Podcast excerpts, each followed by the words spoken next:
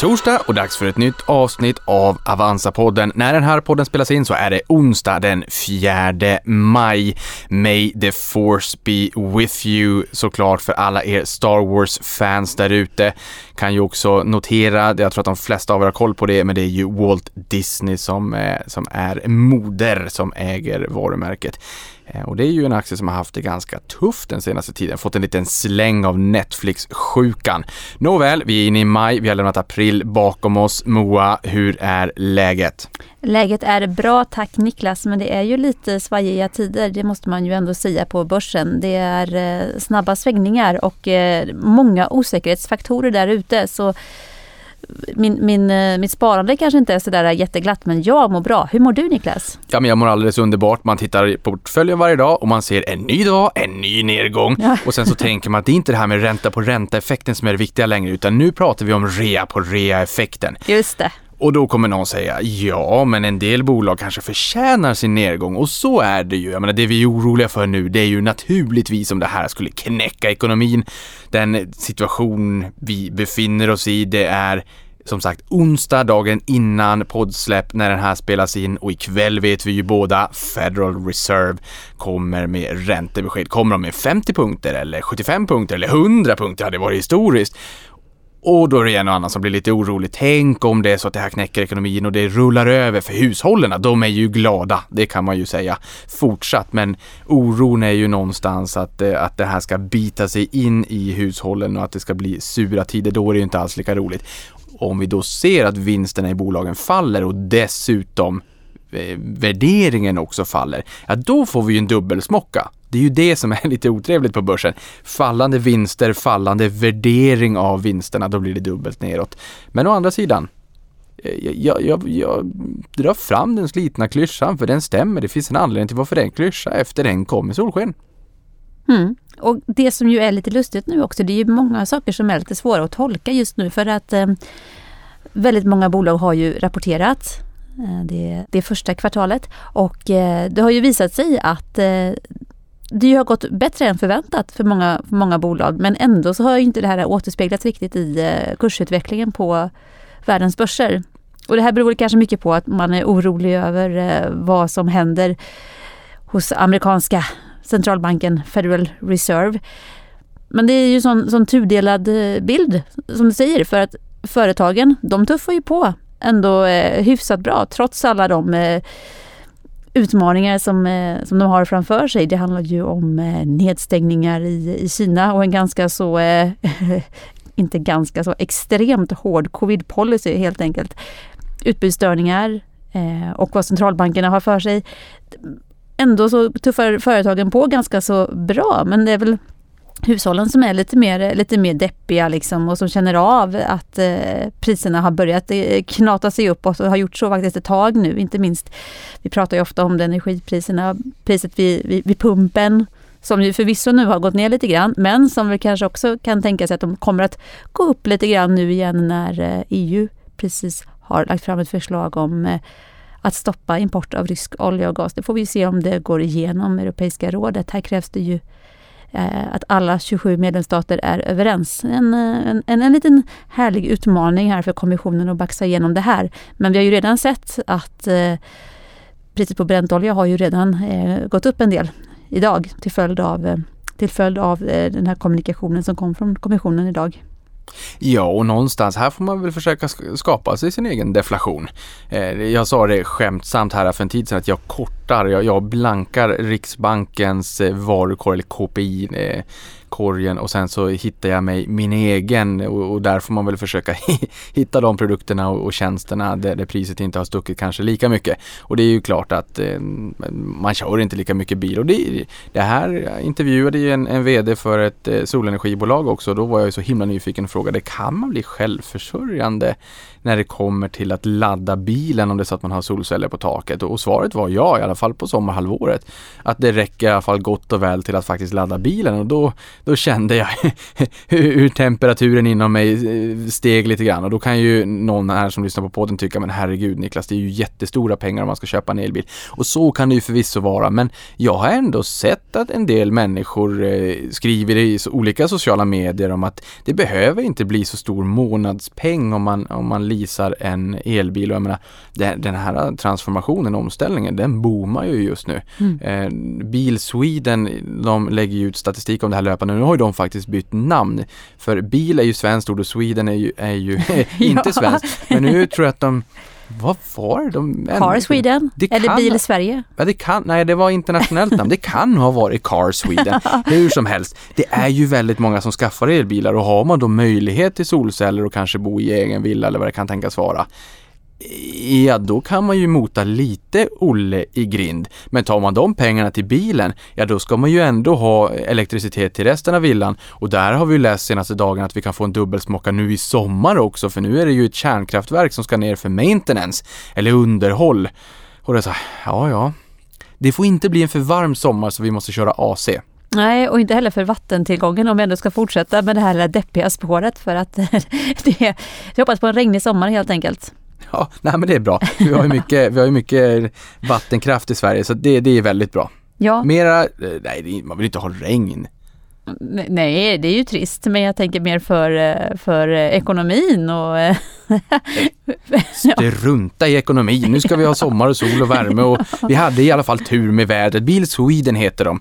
Och, och, här kan vi ju ändå också säga att jag menar, det är ju ett kosläpp där ute. Mm. Jag såg igår faktiskt att Tallink, jag, jag bor ju på en, en ö och åker över en bro varje morgon och där över på andra sidan bron så kan jag glutta till Värtahamnen och där står Tallink, Silja Line, Tallink-båtarna och de har ju haft det naturligtvis väldigt tufft. Men nu såg jag passagerarsiffror här som eh, kablades ut under gårdagen, det vill säga tisdagen när det här spelas in. Och då var eh, passagerarsiffrorna var upp 452 procent jämfört med april 2021. Och jag vet inte hur liksom bistra tider det var riktigt då, för det var ju inte så att pandemin var, var ny på något sätt. Och, och, och, hösten 2020 så hade vi ju andra vågen och sen hade vi ju ja, omikron var ju faktiskt inte förrän slutet av 2021. Men våren var det lite lättare restriktioner ju. Då kunde man ju ändå eh, leva livet eh, någorlunda. Ja, och du märker där, ändå så var det, men det var över 450 000 passagerare nu här då under april. Och förutom det så jag, jag ska ju ut och resa, jag behöver ta nya pass. Jag har ju fantastiskt nog en passtid i, i, i, maj. Men det är lite på gränsen, det kan bli lite för sent så att jag får, ja det kan bli lite jobbigt. Så jag behöver ju gärna en passtid som är lite nyare, därför blir jag ju nyfiken. Var det här en kontaktannons Niklas? Ja, nej, nej, men vad är, jag frågade på Twitter, vad är spotpriset på, på passtider just ja. nu? För det kan man nästan skoja om för att det har ju faktiskt sålts passtider och polisen har ju sagt vi vet inte om det här mm. är olagligt eller inte. För ska man boka passtid nu, det, det släpps nya tider lite löpande, men senast igår när jag kollade, då var det 7 december mm. jag fick förhålla mig till. Mm. Och, och sist men inte minst Scandic, mm hotellkedja, de sa faktiskt nu här i veckan också att vet ni vad? De senaste sju dagarna så är beläggningen högre än samma sju dagar 2019. Det blir man väldigt glad när man läser den här typen av, av, av nyheter som kopplas ut, för det behövs. Det behövs. Vi mm. behöver den här återhämtningen för alla branscher som har haft det oerhört tufft. Så att nej, det var inte en kontaktannons i passtid, utan snarare bara att det bubblar lite där ute. Även om vi möter högre priser på mycket så tror jag att åtminstone den här sommaren så kommer våran lusta att, någonstans få någon lite mer normal sommar att, att trumfa de stigande kostnaderna. Ja. Inte minst eh, stigande räntekostnader på bolån, för det har vi redan sett, materialiserats. Jag vill gärna kasta in en siffra här också. Det har ju kommit idag, onsdag, nya inköpschefsindexsiffror för svensk tjänstesektor. Och eh, de lyfter nu då till 68,1 i april från 62,9 månaden före. Och det historiska genomsnittet ligger på 56,3 så att... Eh... Och en nivå över 50 indikerar mm. ju tillväxt där. Jag menar, det är ju klart, jag vet faktiskt inte. Nu kan det vara så att jag simmar ute på djupt vatten. Eh, men jag antar ju också när ehm, försörjningskedjorna lättar upp lite grann och flaskhalsproblematiken blir lite enklare och när containrarna inte fastnar i hamnarna i Kina på grund av nya hårda nedstängningar att det blir lite grann en förköpseffekt. Jag har sett i en del rapporter nu att man, man säger att ja, men, kassaflödet, det har tagit en liten smäll. Smäll kanske man inte använt det ordet, det låter lite negativt. Kassaflödet har blivit lite lägre på grund av högre kapitalbindning. Därför det som jag tror vissa bolag har haft det lite tufft med den senaste perioden, det är ju att har vi produkter att leverera? Har vi produkterna i varulager där vi kan leverera det kunderna vill ha? Jag Menar, ett exempel, jag vill inte, det, är inte för att vara elak mot dem på något sätt. Men, men en av de vinstvarningarna vi har fått under rapportsäsongen är ju Eh, Husqvarna eh, som har haft det tufft och kanske inte haft produk produkter riktigt att leverera. Eh, nu hoppas de ju på att de kan jobba ikapp det här ändå, för sommarperioden är jätteviktig för dem. Ehm, men det här är viktigt för bolag. De måste ha produkter att sälja. Och det kan jag tänka mig att det skapar liksom en, en, en, en ehm, pull-effekt eh, när stöket lättar som gör att man kan få tag och bygga upp lite större varulager. Vad tror du om det? Att bolagen kanske håller lite större varulager än tidigare, eller lite så här safety-lager som är lite större än tidigare för att man med, med blotta skräcken i behåll kommer att ha kommit ihåg den här perioden.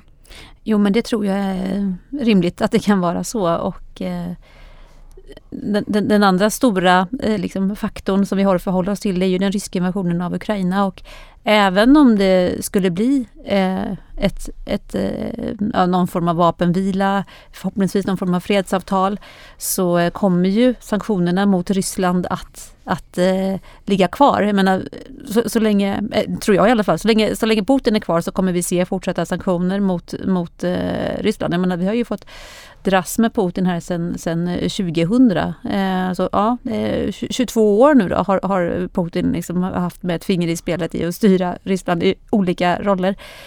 Eh, så det där är ju något som kommer fortsätta att påverka världsekonomin när, i och med Rysslands eh, starka dominans på liksom, olje och gasmarknaden och EUs eh, beroende av, eh, av rysk gas och olja. Nu försöker man ju att fasa ut det här då förhoppningsvis men det är ju någonting som, som kommer påverka priserna och, och eh, eh ja, både företag och hushåll. Eh, vilket såklart kan skapa nya flaskhalsar. Så att, eh, jag tror att, eh, att många företag där ute har, eh, har lärt sig en hel del under, under eh, pandemin nu som man tar med sig, hoppas jag, någon långsiktig strategi. Att man kanske är bättre förberedd när det kommer de här eh, oväntade, eh, eh, jag vet inte om man ska kalla det för svarta svanar. Det finns ju ganska mycket som krävs för att det ska kunna kallas för en svart svan.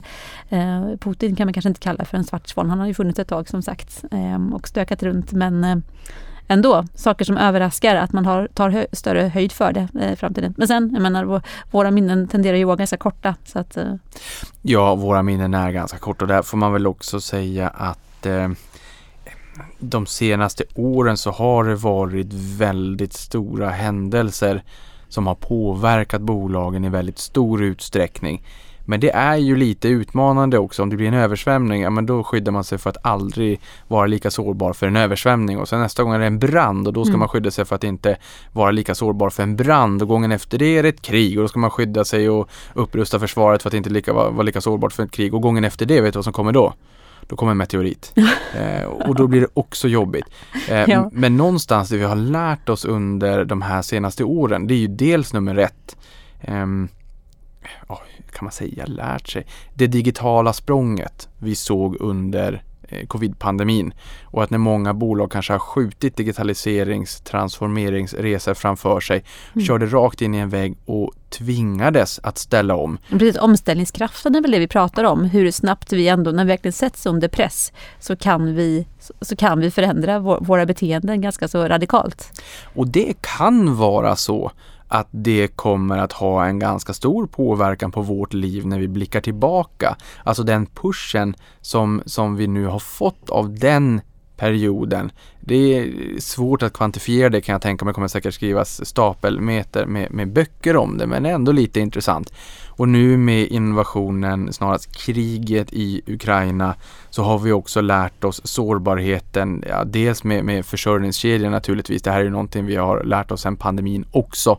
Eh, men även sårbarheten i att vissa länder är stora exportörer och hur allting hänger ihop. Men vi har pratat både om eh, konstgödsel eh, och vete och olja och gas. Um, och i efterhand så tror jag att en och annan, kanske våra barn och barnbarn kommer klia sig lite grann i huvudet och fråga lite grann hur man, hur man tänkte kring det stora beroendet av Ryssland. För vi, vi vet ju hur de har betett sig tidigare. Men en del bolag har ju också haft de bolagen som har haft en större del av sin omsättning, sin topline, sin försäljningsmix i Ryssland och varit med ett tag. Ehm, de fick ju en viss tankeställare 2014 när man annekterade Krim. Och det, ska, det, det upprättades embargon. Och det här var jobbigt för bolag som eh, danska Carlsberg, eh, finska Nokian Tires, eh, många norska laxbolag, eh, för att nämna några. Eh, och de har ju varit tvungna att anpassa sig. Nu har vi sett den här breda sleven. Det är väldigt många bolag. Det är rätt många bolag som har haft verksamhet i Ryssland, föga förvånande, ett stort land ändå. Um, som nu har tagit mastodontiska nedskrivningar, i alla fall som ett aggregat. Uh, och det man från ryskt håll ju säger att uh, men, vi, vi, uh, vi tar över tillgångarna. Vi, vi, det är ju ofattbart. Um, det kommer att göra att det förmodligen kommer att ta lång tid innan man, man kommer ta sig tillbaka till den där marknaden. Förmodligen inte under Putins era. Sen är det klart, jag ska inte sitta och spekulera här för jag har bottom line när det kommer till kritan så har jag ingen aning.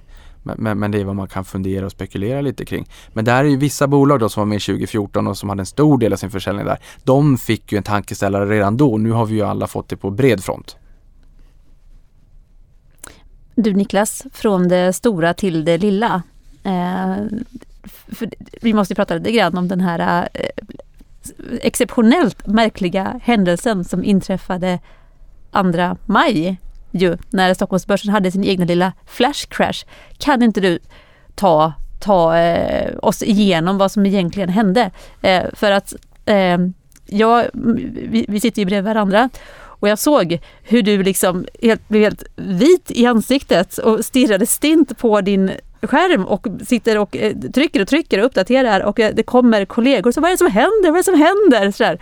Eh, och ganska snabbt så kunde vi konstatera att nej, det här eh, var ingen ny, eh, det, det, det, var ingen ny eh, grej som hade inträffat som påverkade liksom börsen långsiktigt utan det här var helt enkelt ett lite handhavande fel.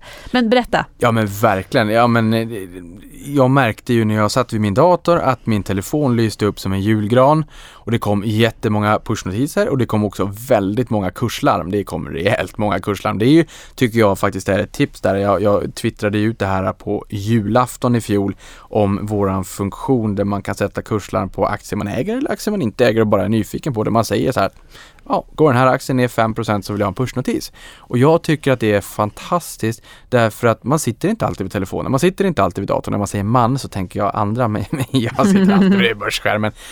Um, och där, där vet jag att om, om det går ner, någon, kan vara under dagen som i det här fallet eller när det än är, går det ner 5% så får jag en pushnotis och då får jag ta beslutet. Jag får ta ett aktivt beslut. Vill jag köpa?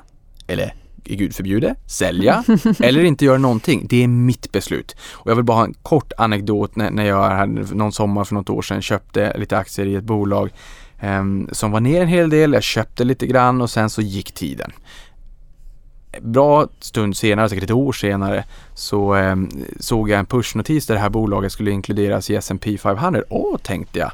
Vad trevligt. Aktien var upp nästan 9% Och så går jag in i kursgrafen och tittar, men herregud. Aktien var ju ner säkert en 15-20% till från när jag köpte. Hade jag vetat det, då hade jag köpt mer. Och det problemet löser man här. För att när du sen trycker på okej, okay, då är det som en väckarklocka. Då snosar den. Så den påminner dig nästa 5% Och det här, jag ska komma till poängen nu med Flash Crash, men, men det, det, som är så fantastiskt med det här, det är att det också hjälper folk att bli mer strukturerade i sin köpprocess. För det kan ju vara rätt mycket stök, ont i magen när börsen är turbulent etc. Men om du är liksom steg om 5% ner exempelvis, det är ju förinställt 5%. Jag tycker det är ganska bra. I steg om 5% kan små dutta på vägen ner i ett bolag som du vill äga. Vissa kan tycka att, nej men varför ska man köpa fallande knivar? Jag håller inte med. För mig är en fallande kniv ett bolag som har operationella utmaningar, det kanske till och med turnaround case vi pratar om. Och det är sällan så enkelt som det verkar, det tar ofta lång tid, det dränerar energi bland de anställda, det kommer in nya människor med frisk friskt blod, men de ska läras upp, de ska komma i fart, allt vad det är. Det tar ofta mer tid, men för de som träffar rätt säkert fantastiska möjligheter. Det är mer för mig fånga fallande knivar. Inte fantastiska bolag som temporärt faller kraftigt på grund av att det är en rejält sur börs där allting faller. För Moa, när det är riktigt surt på börsen, då är riktningen, då samvarierar det mesta och riktningen är rakt ner i, i, i källan. Nåväl. För idag, hur ska jag då, nu förstår världens utsvävning här, ska jag idag se vilka bolag som, som har fallit mycket sedan jag köpte, då måste jag in på varje enskild kursgraf och se vart jag köpte och se vart de står idag. Det för vi visar inte, nu kanske vi ger bort ett tips till konkurrenterna, men, men det, det, här är väl ett sätt för mig att försöka ingjuta det här i våra utvecklare, om det är någon, någon som lyssnar på det här eh, där ute i eten. Jag vill ju ha en lista som visar på hur mycket den här aktien fallit sedan 52 veckors högsta, alltså årshögsta, eller hur mycket den här aktien fallit sedan du köpte sist. Det här var ju fantastiskt bra. Nåväl. Då lyste mobilen upp som en julgran. Jag öppnar den där och jag tittar och jag ser vad herregud är det som händer? Börsen är nästan 8% Det är som att min portfölj hade träffats av eh, antimateria och sen så märker jag i korridoren att det, det tiden lite grann stannar um. Upp... Ja, du märkte, för du var väldigt fokuserad på din skärm, men du märkte ändå att det hände någonting omkring dig. Ja, men det var ett väldigt vakuum. ja. och, och ljudet försvann och tiden stod stilla. Och sen började det komma stridström av kollegor som frågade vad är det som händer? Ja. Och det här var ju alltså en flash crash. Börsen från 9.56 till 10.01 under fem minuter så tappade börsen som mest, från dagshögsta i och för sig, som mest nästan 8% Och sen fem minuter senare så var vi tillbaka till återhämtning. Så det ser ut som ett, det här vet som alla pratade om under pandemin. Det, det, det, kom nu. Ja, precis på, på, på en sådär fem minuter. På en fem minuter. Och ja det är klart att det kom en herrans massa spekulationer i sociala medier och man tyckte, åh, vad kan det tänkas vara? Vi förstår ju också, det här är ganska oroliga tider. Eh, man skulle kunna tänka sig eh, ett sånt här stort fall på 8% i intradag. Det är oerhört ovanligt, oerhört ovanligt. Man tänker att det måste ha hänt någonting väldigt allvarligt. Det här tror jag att för de som satt vid skärmen och såg det här gjorde en del ändå rätt nervösa. Det gjorde inte mig så nervös av en anledning och det är att det saknades pushnotiser från traditionell media eh, om att det skulle ha hänt någonting. En stor explosion vid ett vattenverk, att Sverige invaderas. Det här är ju egentligen ingenting som är roligt att prata om, men, men någonting, någonting stort så att säga. Det fanns det inte. Och därför gick mina tankar till att nej, tekniskt problem, cyberattack, eller kanske ett handhavande fel på något sätt. Men det tog ju en stund, alla satt ju som frågetecken. Och det tog en ganska bra stund innan det så sakteligen började utrönas. Vad är det här för någonting? Nasdaq, Stockholmsbörsen var ute och sa det är inte tekniskt problem. Det är inte en cyberattack. Och där började man ju ana, okej, okay, det är nog den mänskliga faktorn i det här fallet. Vi ska komma ihåg, börsen var ner nästan 8 Det var många bolag som var ner 10, 15, 20. Jag tror något bolag var ner 25% Så det här var ju dramatiska nedgångar. Um, många köpte en del stopplosser som löste ut. Många faktiskt har jag förstått så, som köpte för man insåg orimligheten i det här. Det kan ju vara lite orättvist. Alla sitter ju inte vid börsskärmen eh, dagarna i ända, men många köpte. Ändå. Och sen kan du köpa någonting? Nej, det var en kollega som kom förbi mig och sa att nej men det går inte att köpa. Nej, jag mm. tänkte då gör det väl inte det då. Eh, men det gjorde det. Och Nasdaq sa i slutändan att vi kommer inte heller makulera de här affärerna. Eh, och, och, det är ju klart någonting som, som de som var snabba på hugget blev glada över. Jag ska bara säga här, Kinnevik föll 22% som mest. Getinge 16, Alfa Laval 15, SCT 14, SCB 13, Assa Abloy 12, H&M 12, Boliden 11, Hexagon 11, Sandvik 11, Atlas Copco 11, Sinch 11, Telia Company 10 eh, och, och sen hela vägen ner. Och det här är OMXS30. Tar man eh, breda Stockholmsbörsen eh, så föll det ännu mer på sina håll. Dramatiskt eh, får man väl säga. Eh, och det här är inte så vanligt. Det är extremt ovanligt. Nej, det har väl inte hänt på Stockholmsbörsen förut? I USA har det väl hänt? Ja, inte, i den, inte i den här raden. Det har hänt i enskilda värdepapper så, men inte på börsen. USA, eh, 6 maj 2010, flash crash. Eh, där utraderades eh, 1000 miljarder dollar ganska snabbt. I Sverige här så var det 1000 miljarder kronor eh, också under de här fem minuterna. Eh, och, och, där är det en del som har frågat, men försvann de pengarna då? Och, så är det ju inte eh, så. Eh, jag menar, du hade ju inte kunnat köpa hela börsen 8% billigare. Eh, och dessutom hade man förväntat sig en budpremie om du hade velat köpa ut hela börsen. Utan det här är ju det, mänskliga faktorn, Citigroup var ju ute och sa att okej, okay, ursäkta. Det, ursäkta, det är vi, det är den mänskliga faktorn. Det var någon sa att det var någon avrundningsfel så. Eh, väldigt, väldigt jobbigt. Eh, väldigt jobbigt för dem. De kommer inte få tillbaka de här pengarna naturligtvis. Inte de små spararna som blev rädda sålde eh, heller. Eh, men, men, det var ju inte liksom enorma volymer eh, det handlade om. Du hade inte kunnat köpa hela börsen för 8% billigare. Och säg att det hade varit en sån här stark nedgång, att den hade varit liksom på riktigt och den har hållit, hållit i sig, den hade varit en nedgång som höll 8% under dagen så ska man ju ändå inte paniksälja. Nej, alltså jag skulle nog säga så här att skulle du få se en börsdag där börsen var ner 8 procent. Um, det är extrem rädsla. Uh, och, och, och, det skulle göra att många aktier skulle falla betydligt mycket mer än 8. Vi ska också komma ihåg att OMXS30 är ju värdeviktat. Uh, och det är kanske inte är de största pjäserna du dumpar i sådana fall ifall shit really hits the fan. Eh, så att många aktier skulle, skulle ha fallit betydligt mycket mer än så. Det gjorde de ju den här gången också förvisso. Men vi har ju haft den här typen av börsfall där de har varit riktiga och korrekta om man så säger. Eh, dels så hade vi ju en dag under coronakraschens 18, långa, 18 dagar långa eh, nedgång. Där största nedgången var 11,1 procent. Dramatiskt. Och sen får vi backa bak till 27 juni 2016, Brexit. Vi tog ju två dagars nedgång för vi hade stängt på fredagen och hoppade runt midsommarstången och lekte små grodorna och allt vad det var. Eh, ganska slitna var vi säkert också.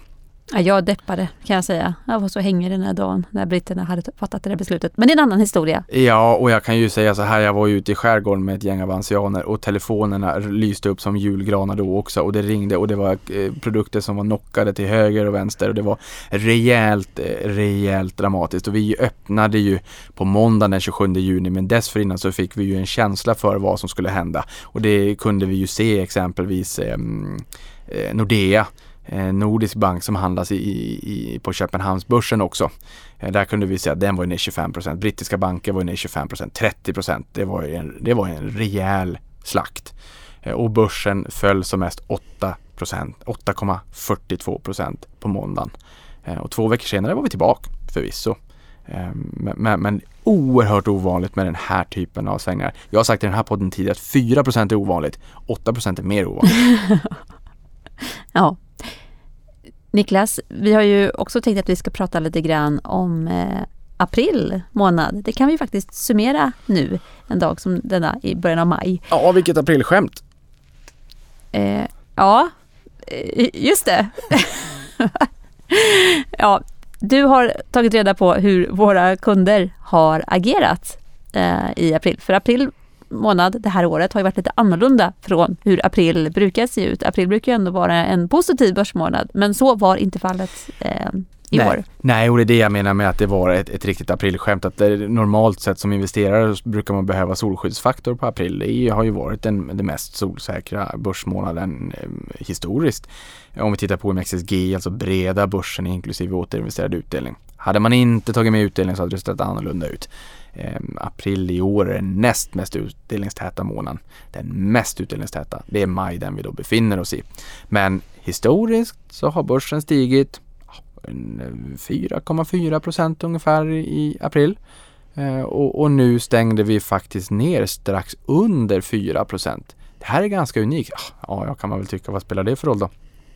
Men det är lite tråkigt med, med den, när vissa klassiska historiska mönster inte bibehålls. Men det är klart, så det är ingen regel utan undantag.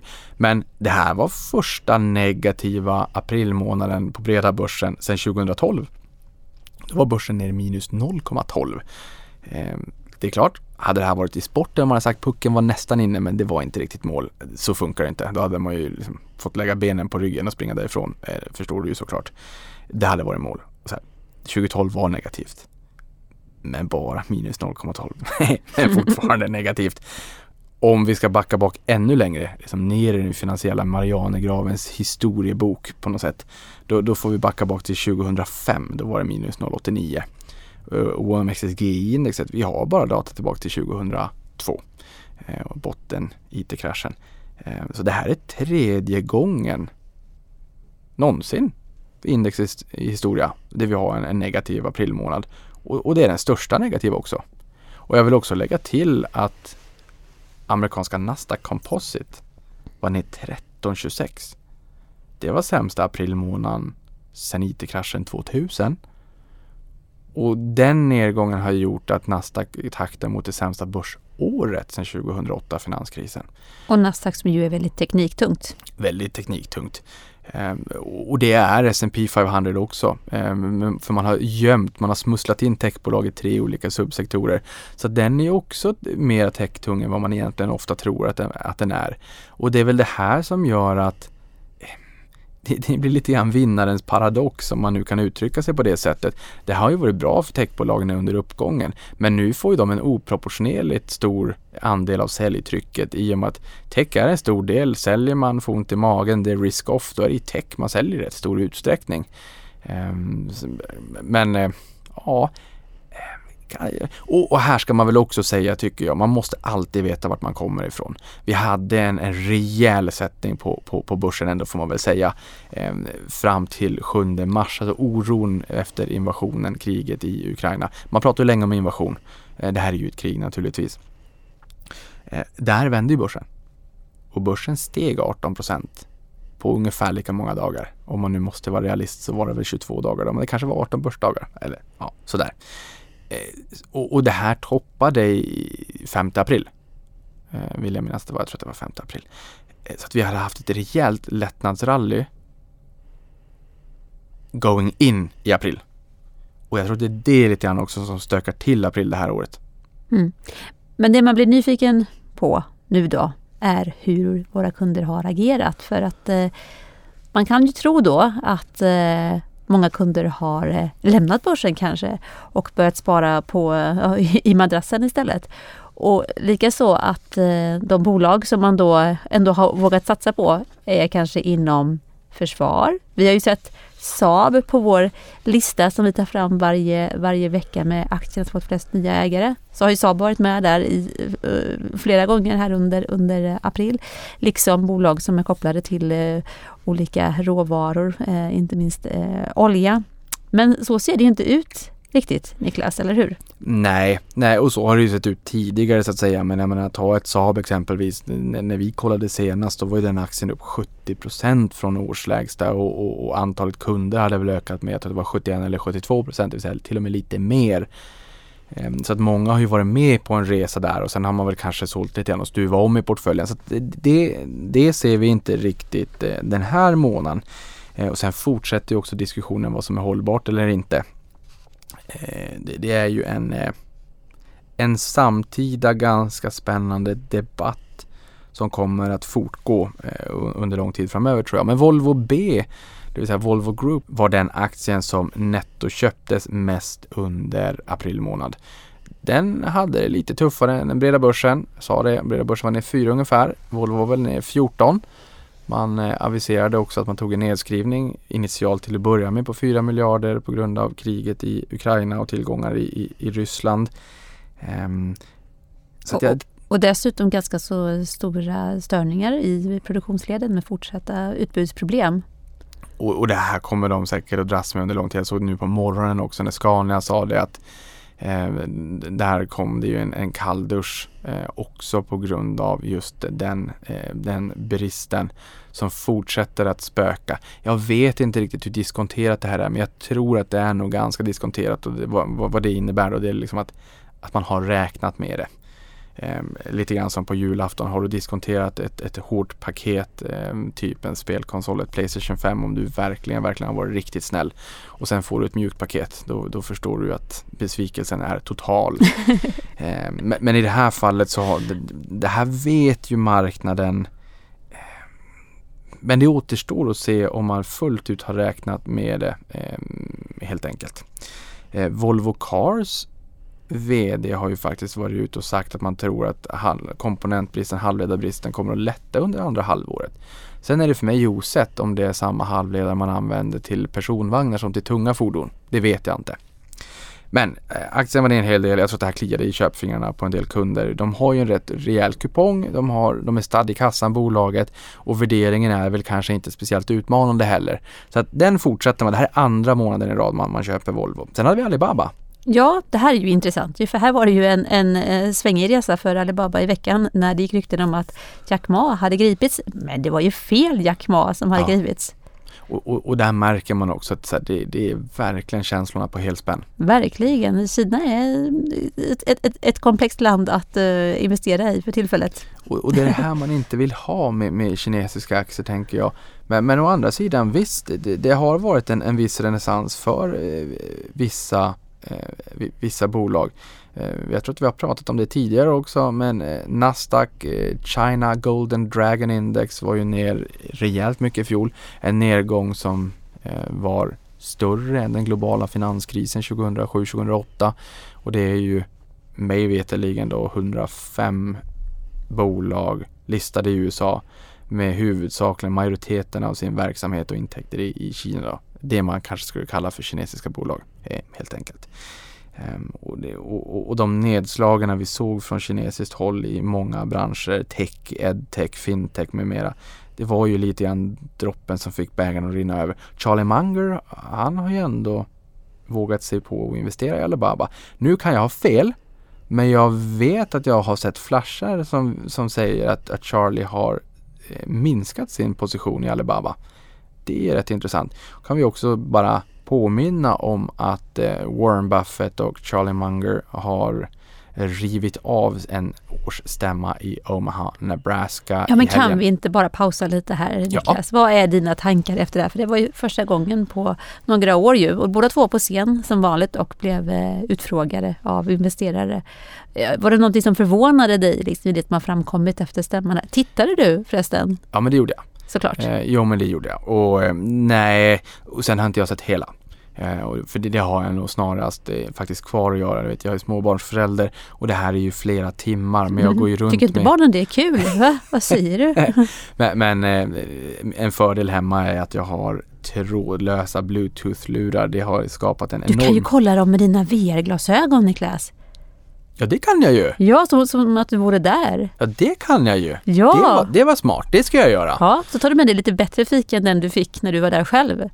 Win-win. Oh, värdelös fika, men det är ju det, man får se halva stämman och, och sen så får man ladda de här eh, VR-glasögonen, sen får man se andra halvan. Ja. Jo, när jag var där på 50-årsjubileum 2015 och jag är ju lite tidsoptimist så att jag bilade ju 500 mil för, för att stanna i Omaha, Nebraska. Vi var fem personer i bilen och vi körde dygnet runt faktiskt i, i skift för att klara, vi skulle tillbaka, vi skulle till New York på en investerarresa och hade varit på västkusten.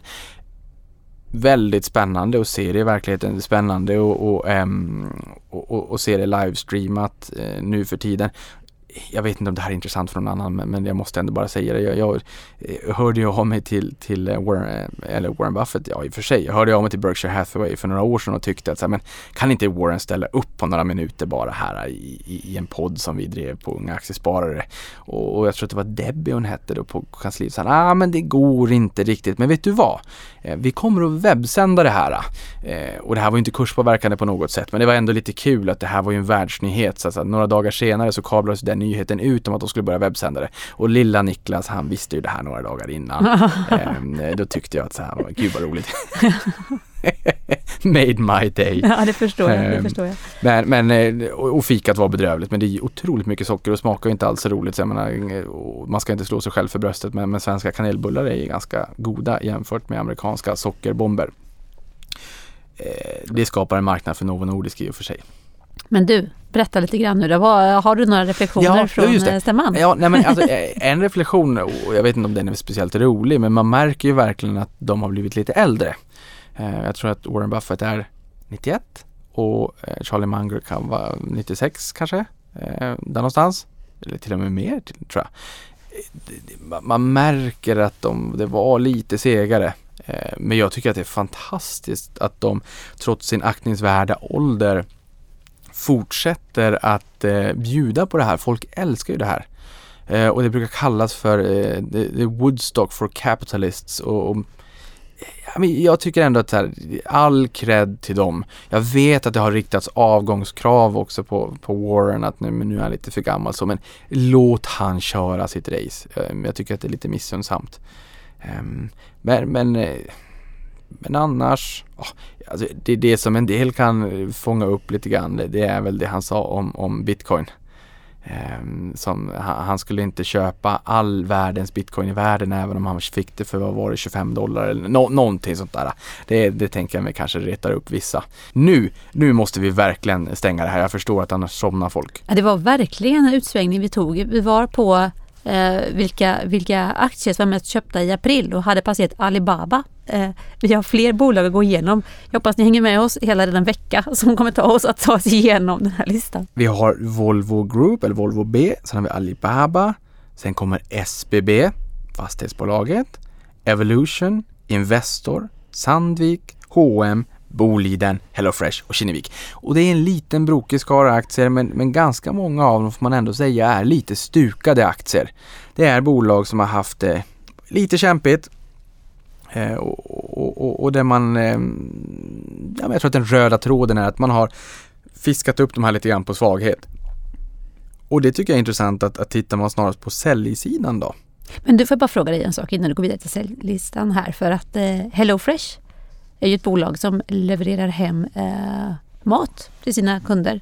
Eh, man får ju ett paket liksom med eh, själva innehållet till ens rätt som man sen då kokar ihop efter en instruktion. Eh, och eh, visst har det väl ändå varit så att den här typen av tjänster har varit lite, har gått lite knackigt för senaste tiden. Jag tänker på Netflix-febern och det här att man eh, kanske går från ett pandemibeteende till någonting annat. Men ändå finns Hello Fresh här. Jag vet inte om du har reflekterat över det. Men eh. Jo, nej men det, det, de har ju haft det jättetufft. Jag menar tar Kinnevik, vad, vad skrev de ner värdet på Mathem? Var det 44 procent på ett kvartal?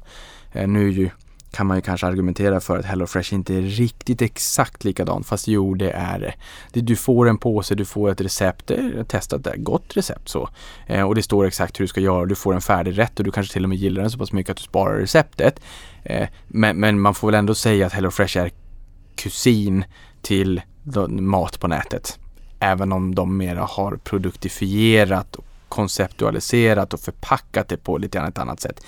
Men här får man väl fundera kring i sådana fall om det är så att man tycker att de har tagit lite för mycket stryk, att det kanske mm, finns intressanta ingångslägen, vad vet jag. Aktien är ner 41 procent eh, som eh, sen årsskiftet då.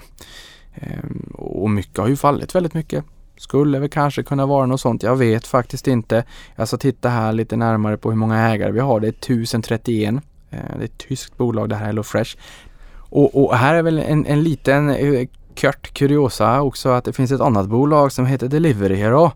Och det ingår i DAX 30 och då kanske ni vaknar upp och säger Aha Niklas, nu har du fel. Jag vet, det heter DAX 40 numera för att man har adderat 10 aktier till. Och där har vi faktiskt en svensk VD, Niklas Östberg. Och också lite kanske liknande, de köpte online pizza och sådär för ett antal år sedan. Eh, det skulle kunna vara någonting sånt där man känner att, eh, att någon kanske tycker att det är ett spännande läge. Men säljlistan, och de hänger ihop lite grann. För på säljlistan här hittar vi Telia Company högst upp. Eh, det här är ett bolag som börsnoterades 13 juni 2000 på 85an, därför kallar jag det gamla 85an. Eh, och sen gick de väl upp till 89 kronor och sen så gick de rakt ner i källan och sen har de aldrig riktigt hämtat det där. Ehm, men från årsskiftet och fram till nu då, det här är ju en defensiv sektor där man har sökt lite grann skydd i eh, när det har stormat till på, på börshavet där ute. Ehm, och där kan man väl säga att den som eh, bara investerade i Telia fram till eh, balansdagen 2021 såg eh, investeringen falla 60 procent. 100 kronor investerat, 40 kronor kvar. Ganska jobbigt. Om man däremot hade återinvesterat all utdelning oaktat skatt och kortage courtage för att återinvestera utdelningen naturligtvis. Då hade totalavkastningen blivit 20 procent plus. Eh, jag hade inte varit nöjd med 20% plus eh, från år 2000 fram till slutet på 2021. Ehm, den negativa eh, saken i kroksången om man så säger det är att inflationen under perioden har varit 38 procent. Så det har varit en rätt tråkig utveckling på, på, på Telia, det vet ju alla såklart. Det här är ju en av de största folkaktierna i Sverige, Investor är störst. Och sen Campera, Ericsson och Telia. Det jag tycker är intressant är att Telia har gett en högre totalavkastning 2022 än för den som har ruvat på aktien under nästan 22 års tid. Och det tror jag gör att man har sålt av lite grann och stuvat om i portföljen. Man tar från vinnarna och köper lite grann de här eftersläntarna som har haft det eh, tufft. För ytterligare bolag på säljlistan, Tesla, man sålde av lite grann eh, när det eh, blossade upp en oro för hur mycket ska Elon Musk behöva sälja för att finansiera förvärvet av Twitter. Ehm, så den föll en hel del på det. Ehm, Swedbank, Nordea, ehm, vi har även SEB på den här listan. Samtliga tre av fyra storbanker med legalt säte i Sverige eh, har varit dead money i fem år från negativ ränta 18 februari 2015 och, eh, och framåt. Nu har de fått fart under galoscherna, vind i seglen, nu när vi har fått positiv ränta. Riksbanken har höjt med 25 punkter, det slår nu igenom här typ nu. Och det är första gången vi har positiv ränta sedan 2014. Eh, och det här är ju eh, positivt för dem.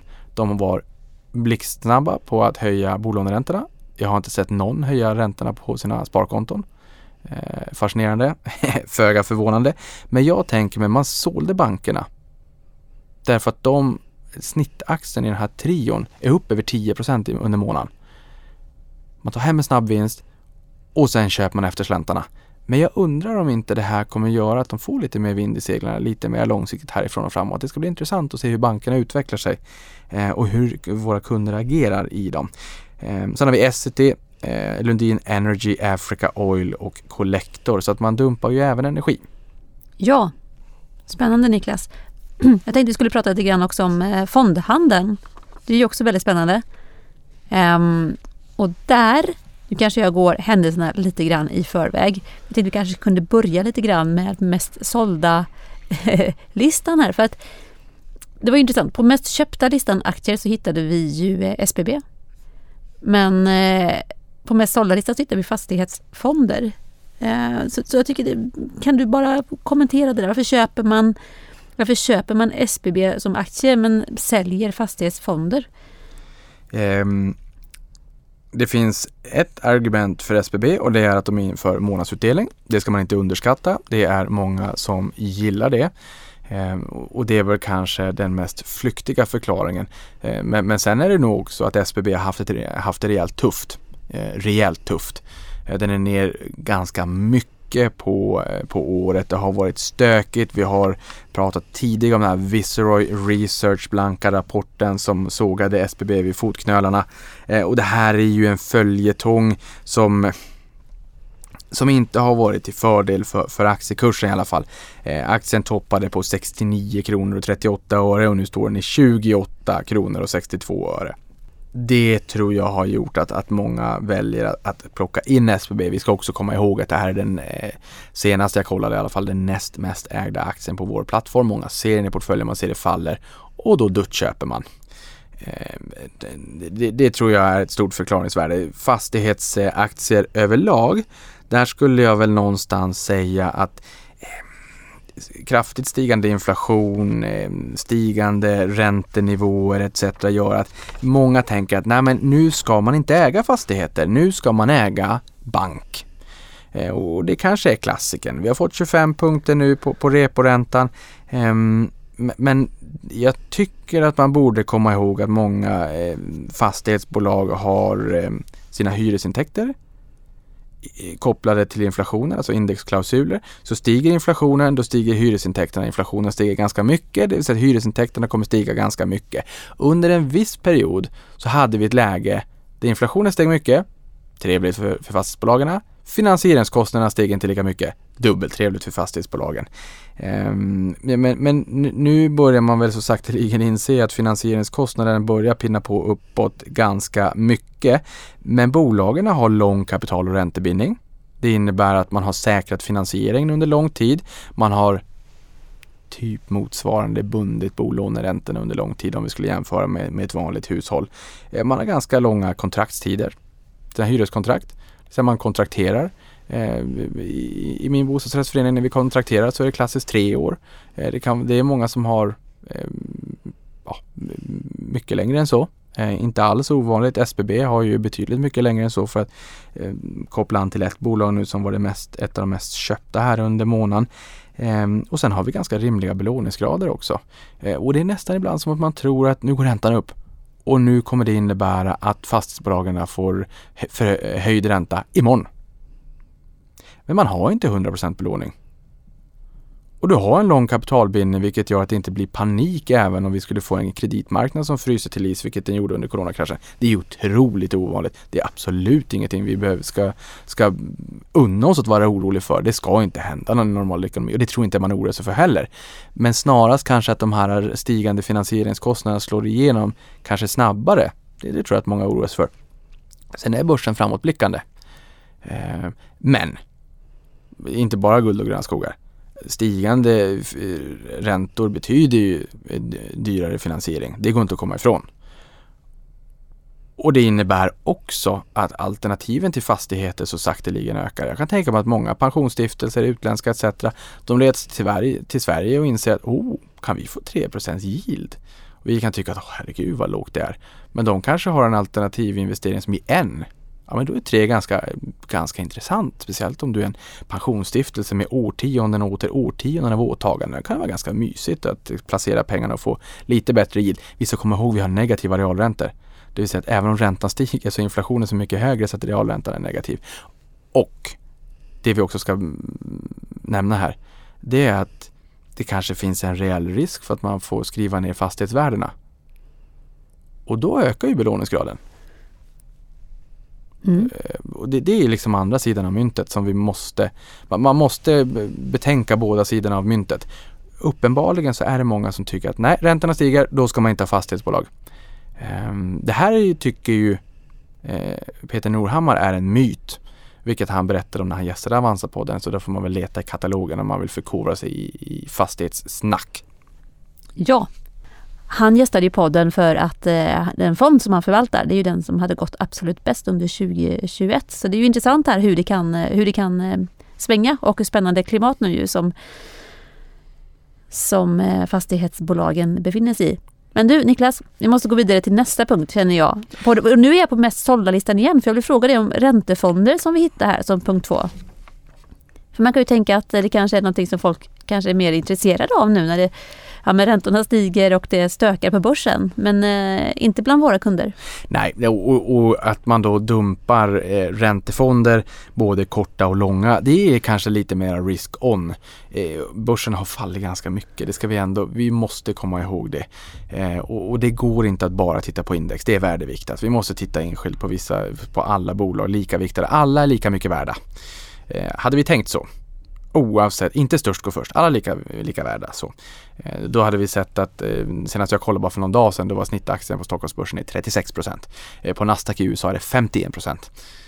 Det är som jag sagt tidigare, börsen är framåtblickande. Det är värt att ha med sig det så att säga. Så här är det lite mer risk-on faktiskt. Och det har vi sett sedan mars egentligen. Sedan 7 mars och, och det här träffade alla kunder botten 7 mars. Nej, fast det var ändå ganska tydligt att det var liksom, man kunde ändå liksom ana det, det, var någonting i görningen där, kort tillbakablick. Börsen föll kraftigt, ganska handlöst. Ehm, den dagen, 7 mars, så såg vi OMXS30 återhämta 5,88% intradag. Breda Stockholmsbörsen återhämtade 6% Svenska kronan toppade på 10,07, sen började den stärkas mot dollarn. Det var tydligt, då var eh, utlänningarna klara med sin dumpning av europeiska aktier där Sverige eh, åkte med ut med, med, med badvattnet så att säga. Där såg vi, för där pinnade det ju på ganska snabbt, jag sa det här tidigare, 18 på, på 22 dagar, eh, något färre handelsdagar. Sen dess har vi sett att eh, riskviljan gradvis har ökat.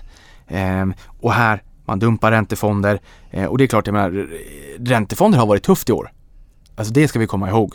Det har varit jättetufft för de som har suttit på räntor, speciellt med lång duration. Eh, har du korträntefonder, jag menar vanligt, eh, kreditmarknaden delas upp i, vanligtvis in i penningmarknad och obligationsmarknad. Penningmarknad är oftast instrument med, med kortare löptid än ett år. Och obligationsmarknad oftast eh, över ett år då, eh, längre tid så att säga.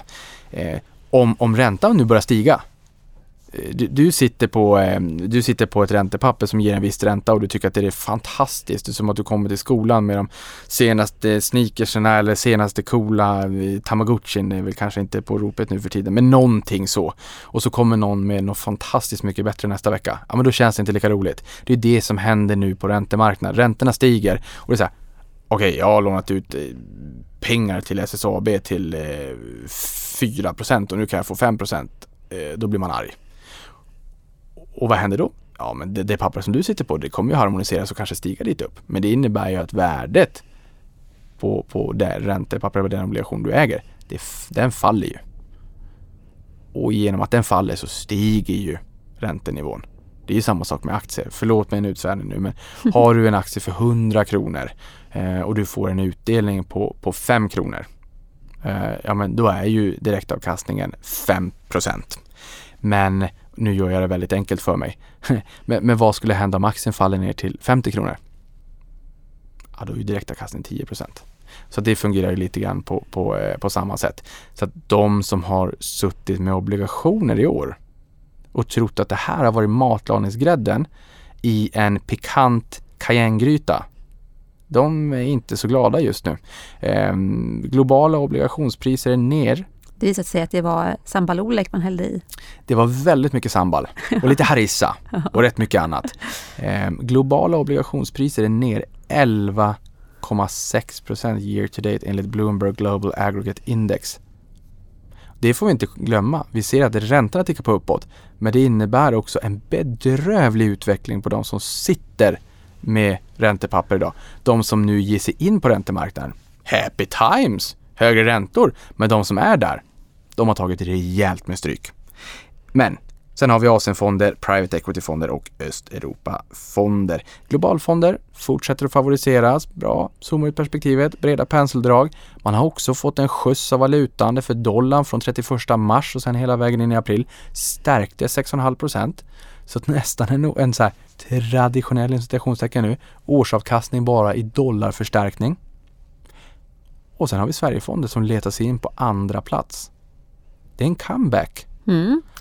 Kul va? Jag kommer ihåg eh, hur du satt och kämpade med de här pressmeddelandena eh, för några månader sedan för att det var alltid Sverigefonder och du försökte hitta olika vinklar och spännande saker att säga om att det såg likadant ut månad efter månad efter månad. Nu är de tillbaka Niklas. Är det skräckblandad förtjusning eller vad känner du? Ja men det är lite grann så tjuren Ferdinand.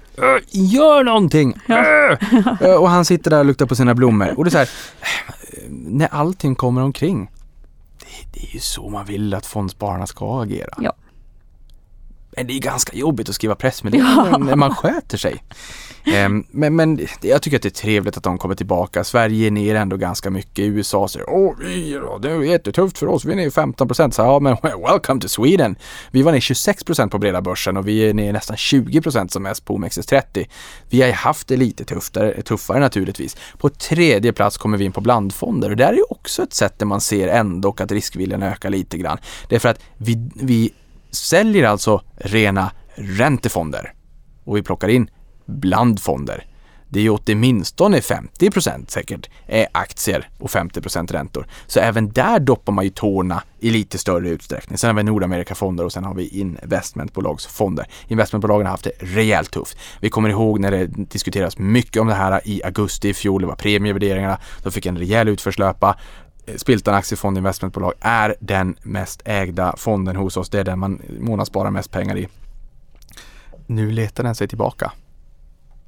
Men eh, efter rejäla nedgångar behöver det inte alls vara fel. Ja, vi ser ju också Investor B på eh, mest köpta-listan ju. Mm. ska vi komma ihåg. Mm, exakt.